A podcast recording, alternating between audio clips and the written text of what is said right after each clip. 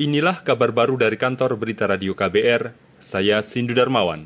Saudara Majelis Ulama Indonesia MUI menyatakan pelaksanaan salat Jumat dua gelombang di tempat yang sama pada waktu berbeda hukumnya tidak sah.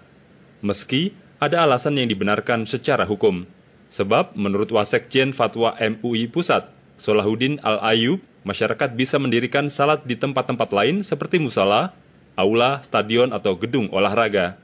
Hal ini disampaikan MUI menanggapi gagasan sejumlah pihak soal pelaksanaan salat Jumat di tatanan normal baru atau new normal guna mencegah COVID-19. Gagasan itu mencuat karena keharusan menjaga jarak fisik saat salat sehingga daya tampung masjid berkurang. Keputusan itu dikeluarkan setelah melalui kajian mendalam. Kata dia, jemaah yang datang terlambat dan tidak mendapat tempat di masjid serta tidak menemukan tempat salat Jumat yang lain atau dalam kondisi adanya alasan yang dibenarkan syariah, maka wajib menggantinya dengan salat zuhur. Selain itu, hukum asal dari salat Jumat adalah sekali saja dan hanya dilakukan di satu masjid di setiap kawasan serta dilakukan dengan segera tanpa menunda waktu. Kita ke soal lain. Pemerintah Kabupaten Cilacap, Jawa Tengah tidak bisa memberi bantuan benih kepada seluruh petani terdampak banjir rob di tujuh kecamatan di wilayah pesisir. Kepala Dinas Pertanian Kabupaten Cilacap, Supriyanto beralasan anggaran Pemkap untuk bantuan benih padi terbatas. Padahal kata dia, banjir rob menyebabkan ribuan hektar tanaman padi rusak. Bencana itu kami biasa mengadakan mencadangkan benih, benih padi bantuan. Tapi keterbatasan anggaran kami hanya bisa mencadangkan 150 hektar. Rencana akan kami adakan secepatnya bulan ini. Keterbatasan anggaran tidak bisa terlalu banyak. Sebenarnya itu hal penting.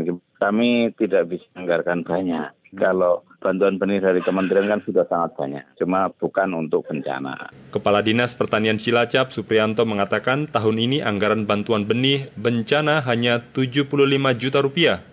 Jumlah itu tidak cukup untuk memenuhi kebutuhan benih yang diperlukan petani akibat banjirop. Kata dia, kerugian di sektor pertanian dan perikanan akibat banjirop mencapai miliaran rupiah. Kita beralih ke berita mancanegara. Menteri Pertahanan Amerika Serikat Mark Esper menegaskan penggunaan pasukan militer aktif dalam penegakan hukum hanya bisa dilakukan sebagai upaya terakhir dan dalam kondisi darurat dan paling mendesak. Ini disampaikan Esper Rabu kemarin menanggapi rencana Presiden Donald Trump yang akan mengerahkan militer untuk membubarkan pendemo di negeri Paman Sam tersebut. Karena itu, ia menolak rencana tersebut dan tidak terlibat dalam politik. Demo berujung rusuh di Amerika terjadi sebagai bentuk protes kematian George Floyd, seorang pria kulit hitam. Ia diduga mati setelah ditangkap dan dianiaya polisi di Minneapolis pekan lalu. Ia ditangkap karena diduga menggunakan uang palsu. Kematian George memicu demo besar-besaran di Amerika. Presiden Donald Trump mengatakan bakal kerahkan kekuatan militer untuk hentikan protes yang menimbulkan kerusuhan. Demikian kabar baru dari KBR, saya Sindu Darmawan.